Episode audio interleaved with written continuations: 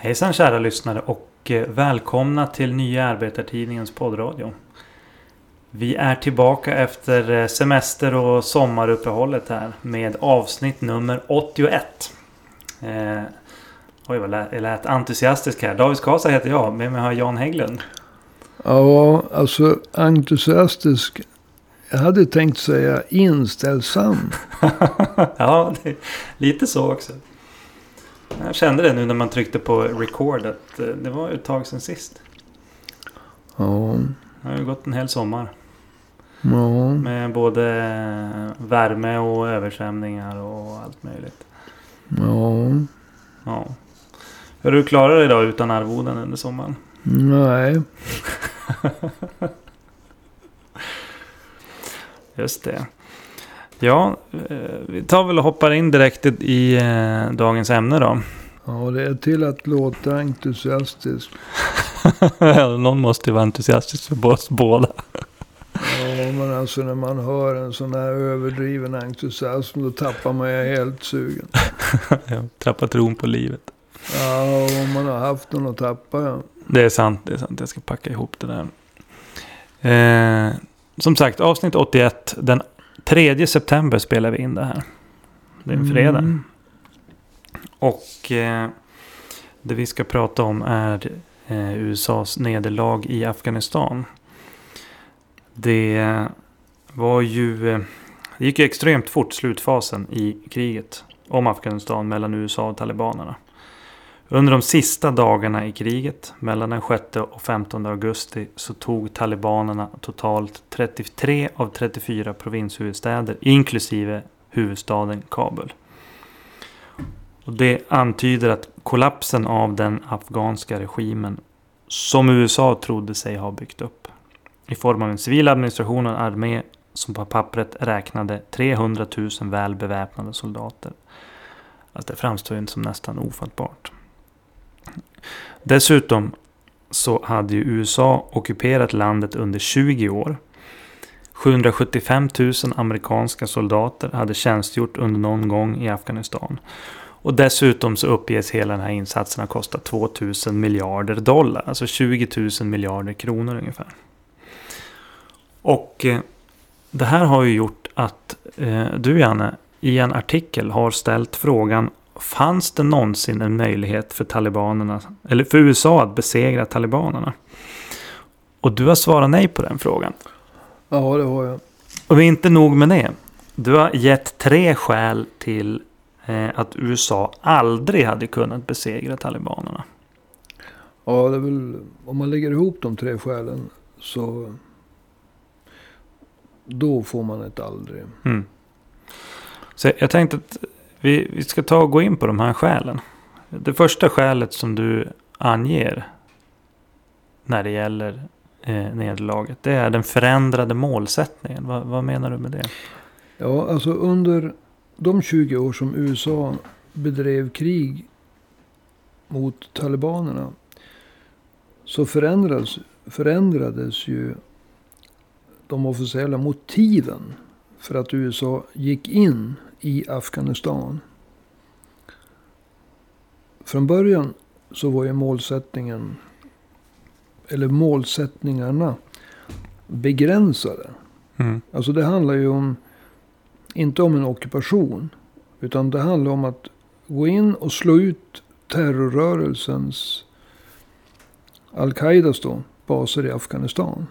Mm. De låg ju bakom terrorattackerna mot USA den 11 september. Och 2001 då? 2001. Och det, det andra var ju att ta död på Osama bin Laden. Som var the mastermind Mm. eh, i attackerna den 11 september. Och det är ju relativt begränsade uppgifter. Man ska gå in och bomba bort terroristernas baser. Man ska ta död på deras ledare. Men den här aktionen som hade begränsade målsättningar för att hindra att Afghanistan fortsatte att vara en bas för grupper som skulle kunna genomföra nya attacker av den 11 septembers natur. Så förändrades ju det hela. Till att bli en ockupation under 20 år. Mm. Och eh, då så är det ju uppenbart att de olika amerikanska presidenterna, administrationerna som de säger. De måste komma på någonting annat. Än att bara slå ut några terroristbaser Mm. och ta död på deras ledare. Ska man ockupera ett så stort land som Afghanistan i två årtionden så måste man ha andra mål. Och eh, då, då kommer ju de högtravande målsättningarna in. Det Ja, det- handlade om att försvara kvinnors rättigheter. Utbildning. Jobb. Det handlar om att bygga upp en demokrati av vä- västerländskt snitt. Alltså att moder- modernisera hela samhället. Alltså det skulle kräva alltså att försvara kvinnors rättigheter.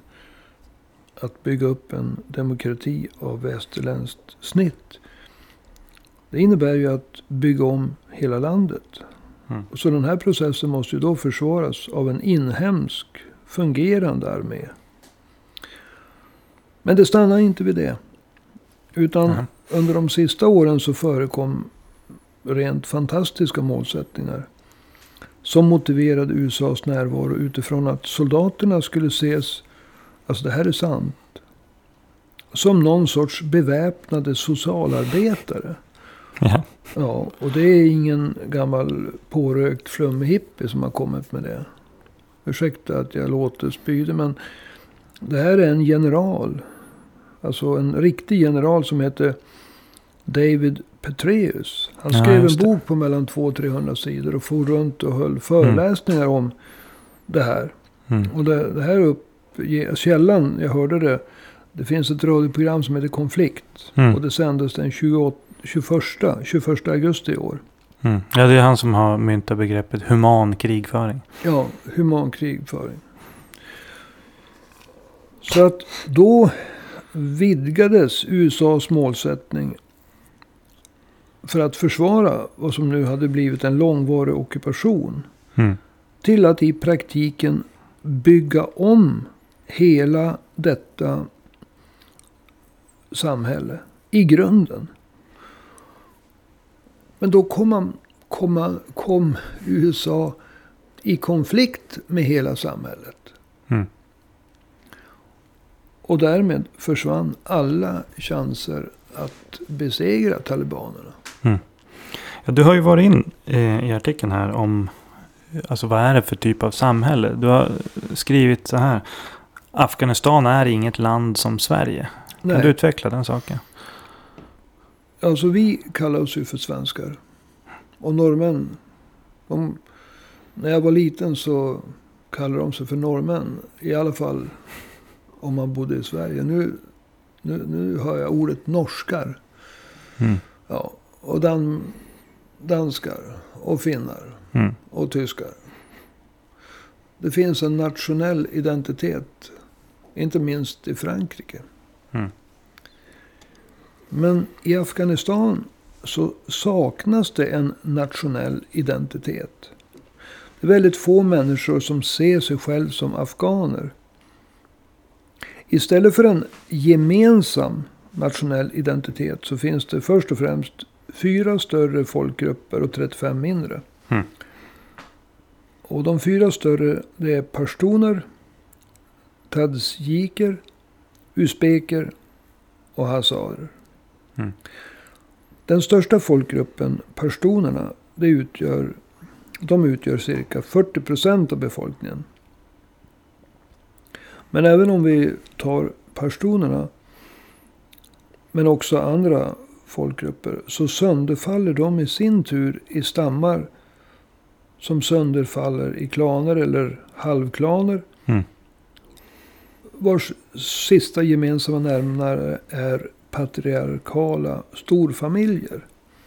Mhm. Så därmed så kan det finnas, finnas inom, alltså motsättningar mellan pashtuner, tadsjiker, usbeker och hazarer. Och Ja. inom pashtunerna så har vi alla möjligheter med motsättningar mellan de 60 stammarna. Och de ännu fler klanerna. Mm. Och så vidare.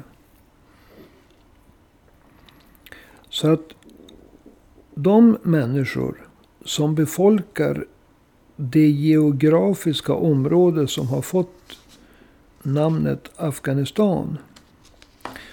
De har sin tillhörighet eller lojalitet hos sin folkgrupp i kombination med den stam eller klan som de ingår i. Och de här grupperna, de präglas av hedersnormer.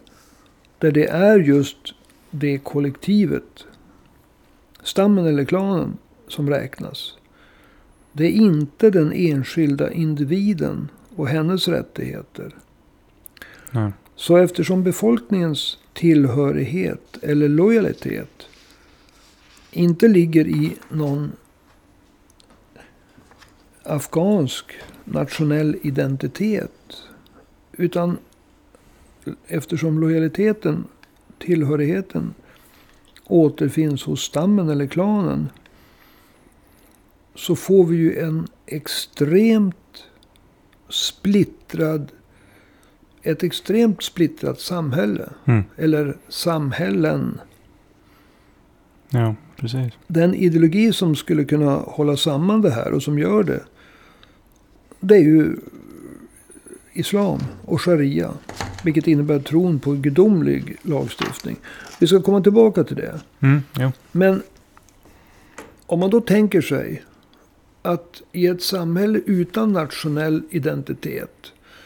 Som är splittrad i befolkningsgrupper. I stammar, klaner, patriarkala storfamiljer.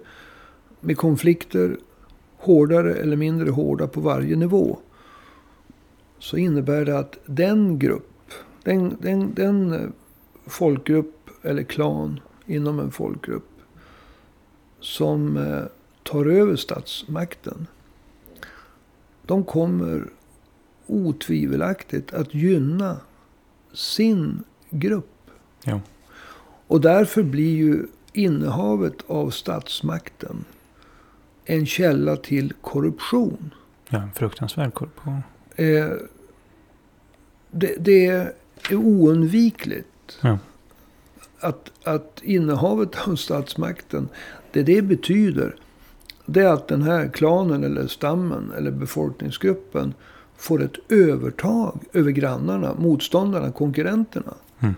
Och man gynnar det sina. Och det innebär att man kommer att lägga beslag på pengar. Ja, vi såg ju den eh, afghanske presidenten där. När han for. Det var ju eh, sedelbuntar. Fyra bilar och två helikoptrar. Eller var det en helikopter?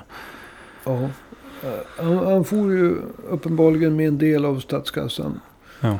Och eh, det gjorde han på lunchen när, när hans regeringskollegor hade gått iväg och ätit. Ja, just det. Han Så då- smet ut. Ja. Då smet han.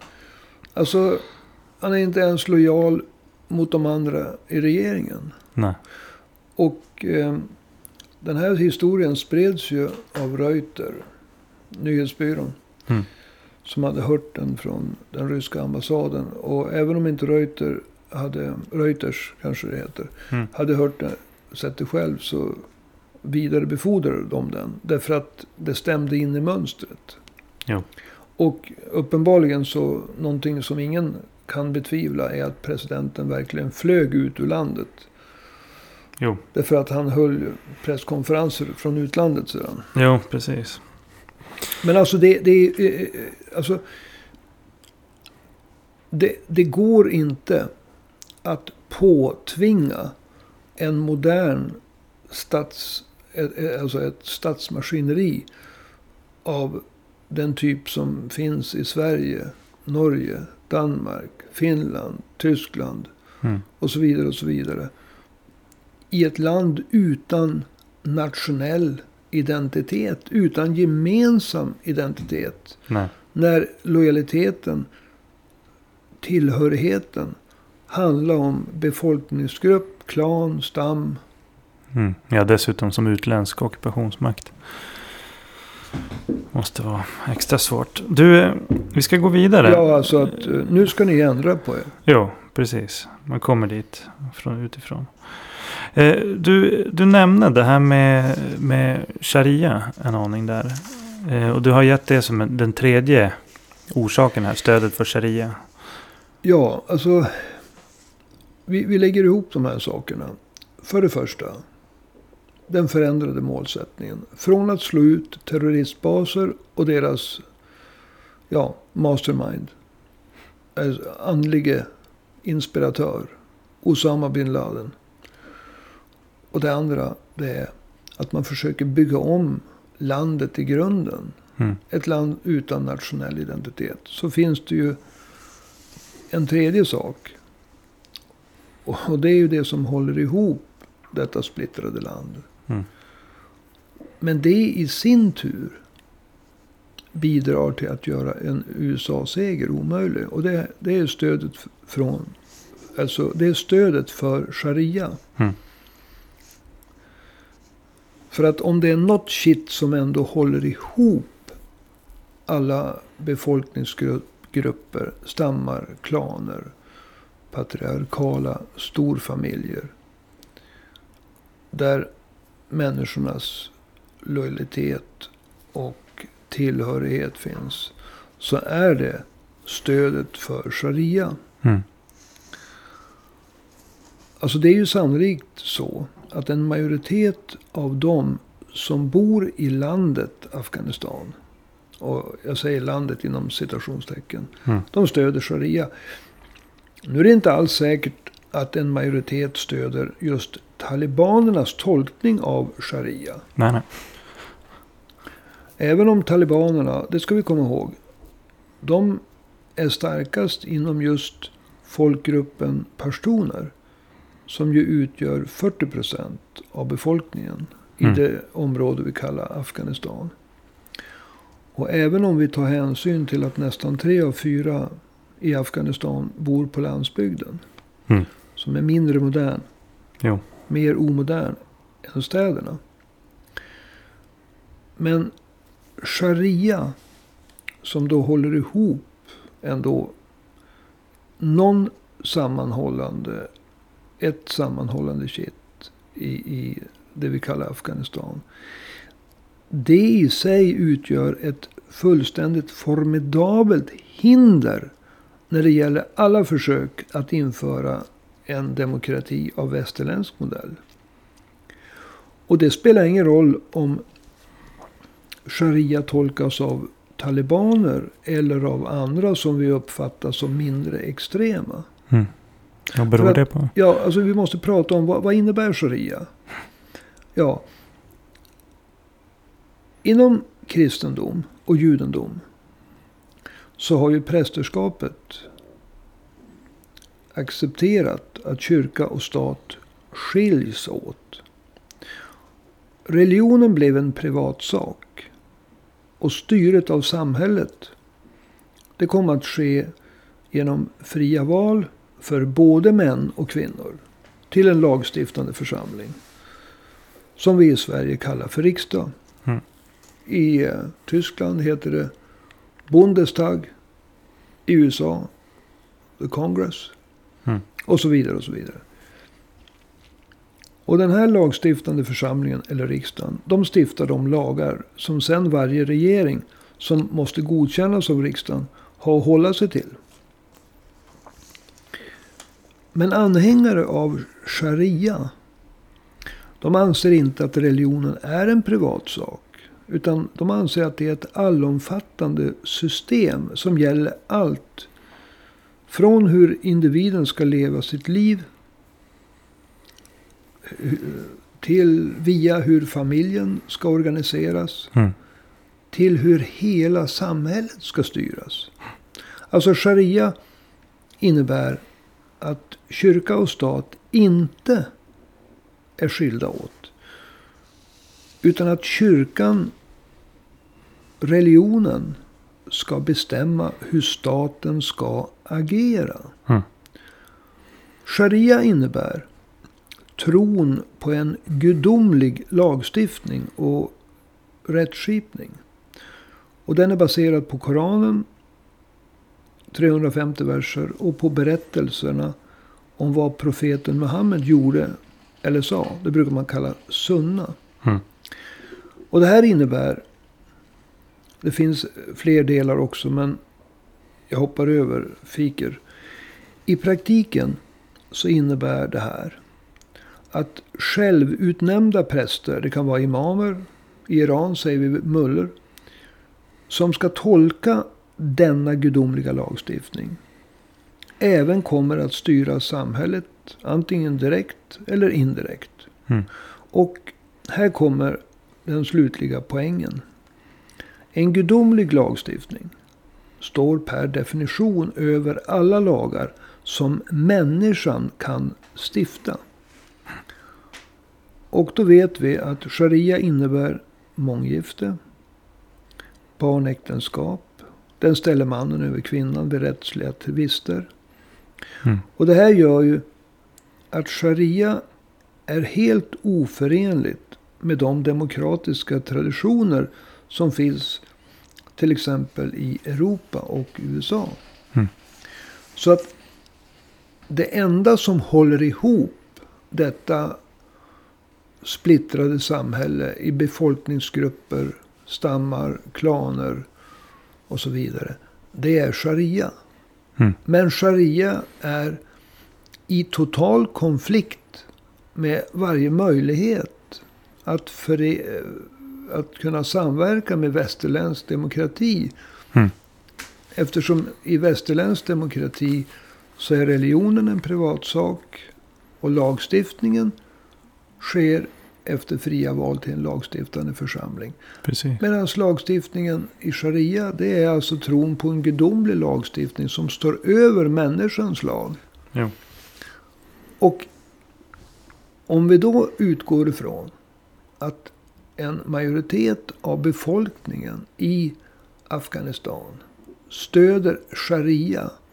Men inte nödvändigtvis talibanernas Mm. tolkning av sharia. Men ändå sharia. När USA vidgade målsättningen. Från att slå ut Al-Qaida-terroristerna och deras ledare Usama bin Laden. Mm. Till att göra om hela Afghanistan. Då kom ju USA i konflikt med hela den struktur av befolkningsgrupper, stammar, klaner och sharia som är Afghanistan. Mm. Och då kan man ställa sig, vilka var mer legitima? Mm. Ja, vi har ju svaret på det idag. Då, alltså, sanningen är ju att talibanerna med sin extrema tolkning av sharia. Som jag inte tror har majoritet. Men det handlar om att tro. Däremot så är jag helt övertygad om att en majoritet av befolkningen i Afghanistan stöder någon form av tolkning. Alltså sharia. Ja. Så är ju talibanerna ändå en del av Afghanistan. Och USA är bara ockupanter. Mm. Och den regering som USA tillsatte. Varför föll den samman så fort? Ja, det är för att de var bara alltså en, en eh, puppets. Alltså en springpojkar och springflickor. Kanske någon Mm. springflicka och springpojkar. Till USA. Men vad, vad tror du? Alltså, president Joe Biden. Han har ju kommit med ett alltså, faktiskt fruktansvärt och samtidigt häpnadsväckande uttalande. Där han Han har ju stått i eh, tal i tv och rakt ut sagt att det är eh, de afghanska soldaternas fel. Det här nederlaget. De ville inte kämpa. Vad säger du om det? Det är ett fruktansvärt föraktfullt uttalande mot de 66 000 afghanska soldater och poliser som har stupat i kamp mot talibanerna under de 20 år eh, 2001 till 2021. Alltså det finns ett starkt motstånd mot talibanerna. Mm. Det är det jag menar med att även om det finns ett stöd för sharia så är det ju inte så att alltså sharia kan ju uttolkas på olika sätt. Mm. Det är ju inte alla som får... Jag menar det är skillnad om du får ett piskrapp. Får högra handen avhuggen eller huvudet avhugget. Jo. Alltså, nu tar jag i.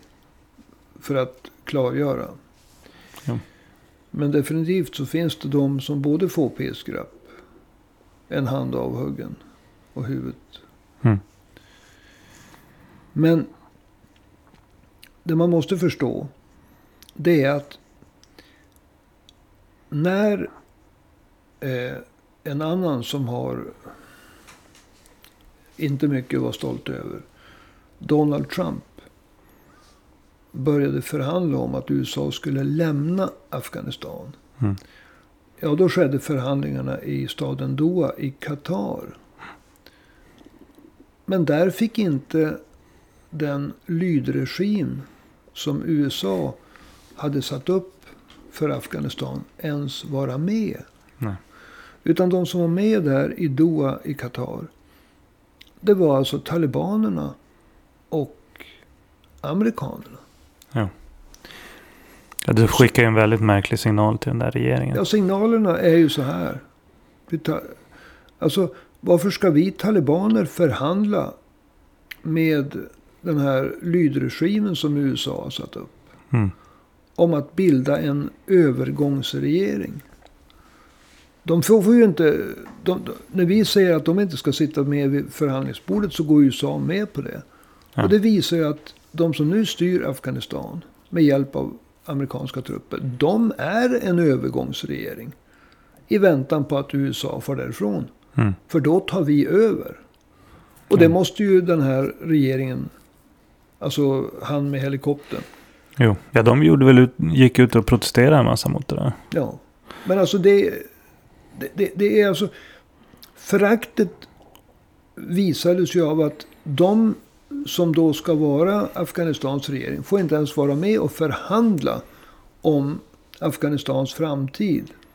Eh, när USA då uppger sig att vi ska dra oss tillbaka. Då är februari 2020. Mm.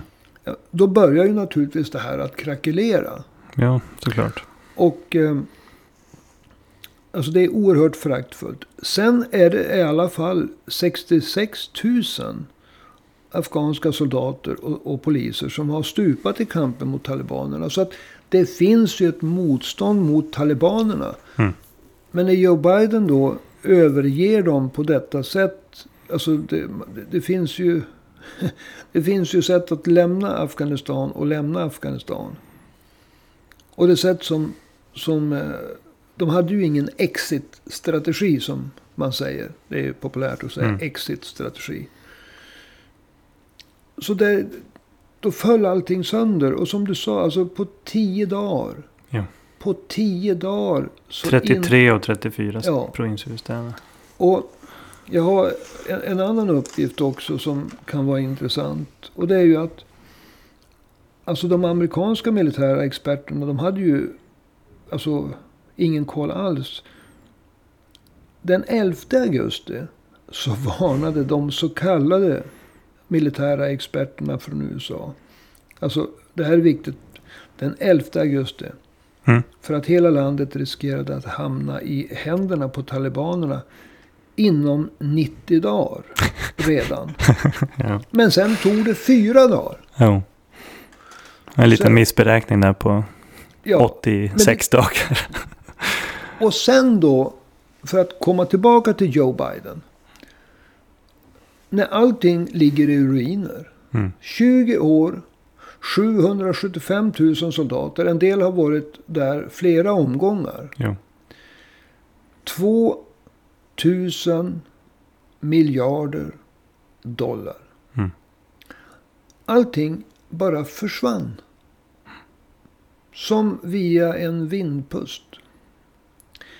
Då passade herr president Joe Biden att säga. Jag ska motstå frestelsen att härma honom. Va? Men helt plötsligt så har han återupptäckt de ursprungliga skälen att eh, Det var ju det också. eh, invadera eller slå till. Vi har minsann genomfört det vi hade tänkt 2001. Mm. Det var att slå ut Al-Qaidas baser och döda Usama bin Laden. Och det har vi gjort. Mm. Ja. Men behövde ni stanna i 20 år? Behövde ni gå ut från att slå till till att ockupera ett land i 20 år? Det är för övrigt USAs längsta krig i historien. Jo. Och ändå så tvingades USA därifrån med svansen mellan benen. Ja. Och det är därför som jag ansåg när jag hörde Ann Linde den där söndagen som börjar med att talibanerna tittade in i utkanten av Kabul, huvudstaden. Mm. Klockan tre så satt de i presidentpalatset och på kvällen hade de tagit över Kabul och som det verkade hela Afghanistan. Ja. Pang bom, det var slut. Då tänkte jag, jag måste skriva någonting. Eller det tänkte jag tredje gången jag hörde Ann Linde inte kunna svara på en fråga som inte kunde ställas. Alltså Mm. det var en hopplös journalist, ursäkta, men som ställde frågor till en, en utrikesminister som inte är Sveriges duktigaste genom tiderna. Men jag tror inte... Det var väl the understatement of the year. Ja, men, men det, det var inte bara det. Alltså, jag menar, hon kan kunna vara mycket duktigare än hon verkade. Men det var ju så uppenbart att hon, hon Hon vågade på. inte säga någonting egentligen. För att först ska hon höra vad USA säger och NATO säger och EU säger. Och sen vågar Sverige Ja, säga någonting. För Sverige har inte längre någon e egen självständig utrikespolitik, försvarspolitik, precis. säkerhetspolitik. precis. Så därför så, så måste jag skriva någonting. Och då så växte det här fram. När USA förändrade målsättningen. Ja, då kom de på kant med hela det afghanistanska samhället. Och vad var det för samhälle? Ja, det finns inget Afghanistan. Mm. Det finns befolkningsgrupper.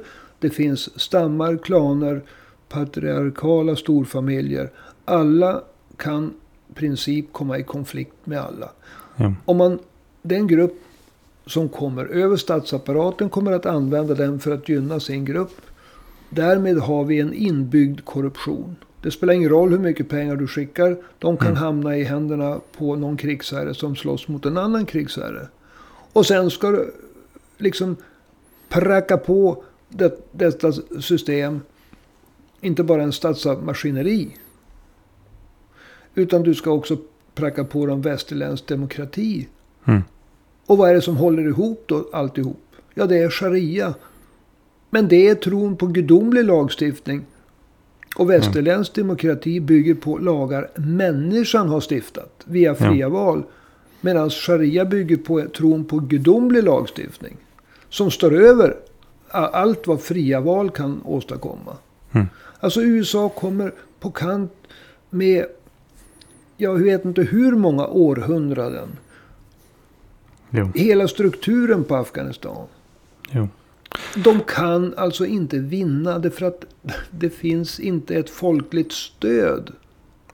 Nej. För vad nu än USA med västs övriga eh, bistånd, bland annat Sveriges, kunde göra. Så man uppfinner att man ska omstöpa Afghanistan och därmed förlorar man kriget. Ja. Därför att det går inte att omstöpa. Det går att bomba sönder.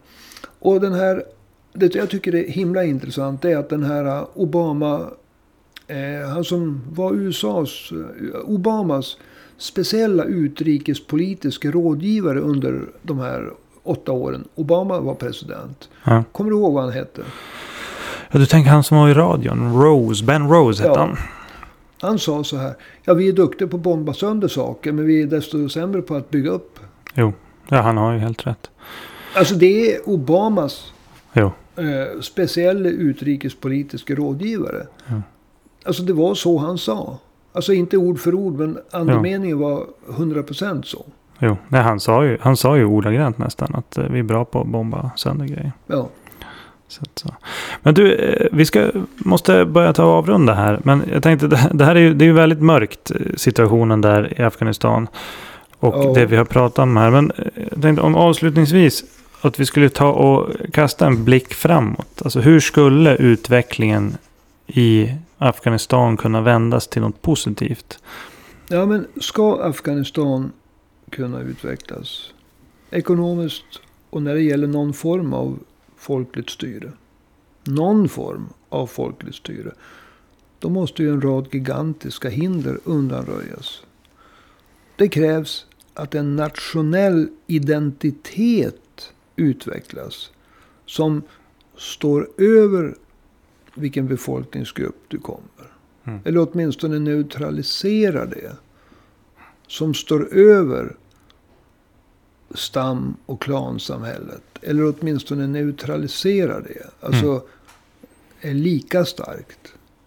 En nationell identitet måste utvecklas istället för dagens hopplöst uppsplittrade samhällsstruktur.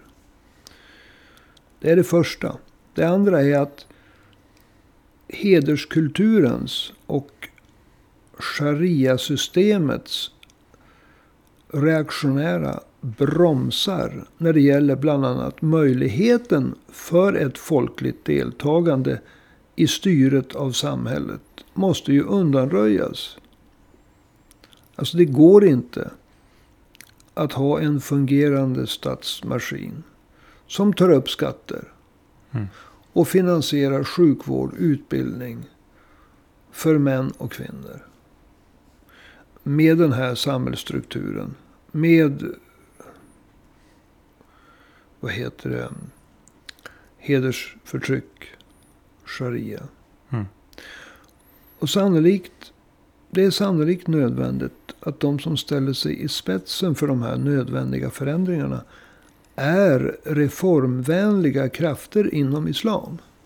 Mm. Jag kan inte se det på något annat sätt. På Ja. samma sätt som eh, kristendomen. Nu pratar jag inte om Martin Luthers reformation. Jag pratar om att det har skett en sorts reformering, inre reformering i till exempel kristendomen. Men också judendomen. Där prästerskapet har accepterat att religionen är en privat sak. Och att samhället styrs via någon form av val till en eh, lagstiftande församling. Mm. Men för att komma dit så är det sannolikt nödvändigt att reformvänliga krafter inom islam går i spetsen för det. Mm. Eh, Alltså att man skulle kunna bomba fram det. Ja, det- Den läxan är ganska tydlig. Precis. Inte bara från Afghanistan. nej, nej. Idag är ju Afghanistan en av världens fattigaste nationer. Eller länder menar jag. Vars ekonomi till stor del bygger på att producera 80-90 procent av allt opium i världen. Och så bistånd från utlandet. Mm. Alltså det finns positiva faktorer i framtiden. Och det är ju att några av världens mest värdefulla och efterfrågade råvarutillgångar finns i Af- Afghanistan. Mm. Men ska landet kunna utvecklas så krävs det någon form av alternativ. Både till talibanernas reaktionära styre och till det stam och klansystem som leder till en hopplös korruption med en president som, som, Ja. som smiter iväg med så mycket av statskassan han kan i kontanter. Ja, Medan regeringskollegorna går på lunch. på lunch. Det, detta är på vilket USA har byggt Ja, 20 år. Det var vad det vart. Eh, Så han lär ju inte saknas av så många. Nej. Men ett alternativ, jag säger det igen, till stam och klansystemet. Ett alternativ till talibanernas tolkning av sharia. Det måste sannolikt, ett sådant alternativ måste sannolikt alltså ledas av reformvänliga krafter inom islam. Det, be, det betyder inte att inte andra kan vara med. Men alltså utan en reform, reformvänlig kraft inom islam så tror jag att det är svårt. Mm. Jag tycker också att i dagens läge, som det är nu, så är det fel att fortsätta att skicka pengar till Afghanistan. Men det vore också fel att ge upp tanken på att kunna påverka den framtida utvecklingen. Och bryta alla kontakter med Afghanistan under talibanerna. Då tappar man all insyn. Då tappar Mm. man all möjlighet till dialog. Utan nu krävs det is i magen. Å ena sidan så kommer talibanerna att vrida klockan bakåt. För de öar av ett modernare samhälle som har byggts upp kring den militära närvaron utifrån i 20 år. Men det Ja. är öar. Ja. Å andra sidan så, och, och då ska jag säga någonting positivt som sista ord här. Det är ändå slut på ett 20-årigt krig. Och det kan innebära att andra möjligheter öppnas. Mm. För att, att ett 20-årigt krig tar slut. Ja, det är väl egentligen, om man ska vara noga, det är väl egentligen 40 år av krig. som Ja, tar alltså slut. om vi börjar då med att eh, Sovjet invaderade 79 efter ett Mm. par år av krig. Så har det varit krig eller icke-fred i eh, över 42 år. Mm. När det nu tar slut så är ju det någonting positivt som kanske kan, oavsett styre, Mm. göra saker och ting. Alltså fred är bättre än krig. Alla andra förutsättningar lika. Jo. Eh, och eh, i det läget, innan man vet vars pengar går, så bör man inte skicka några pengar. Men man ska absolut inte bryta alla kontakter.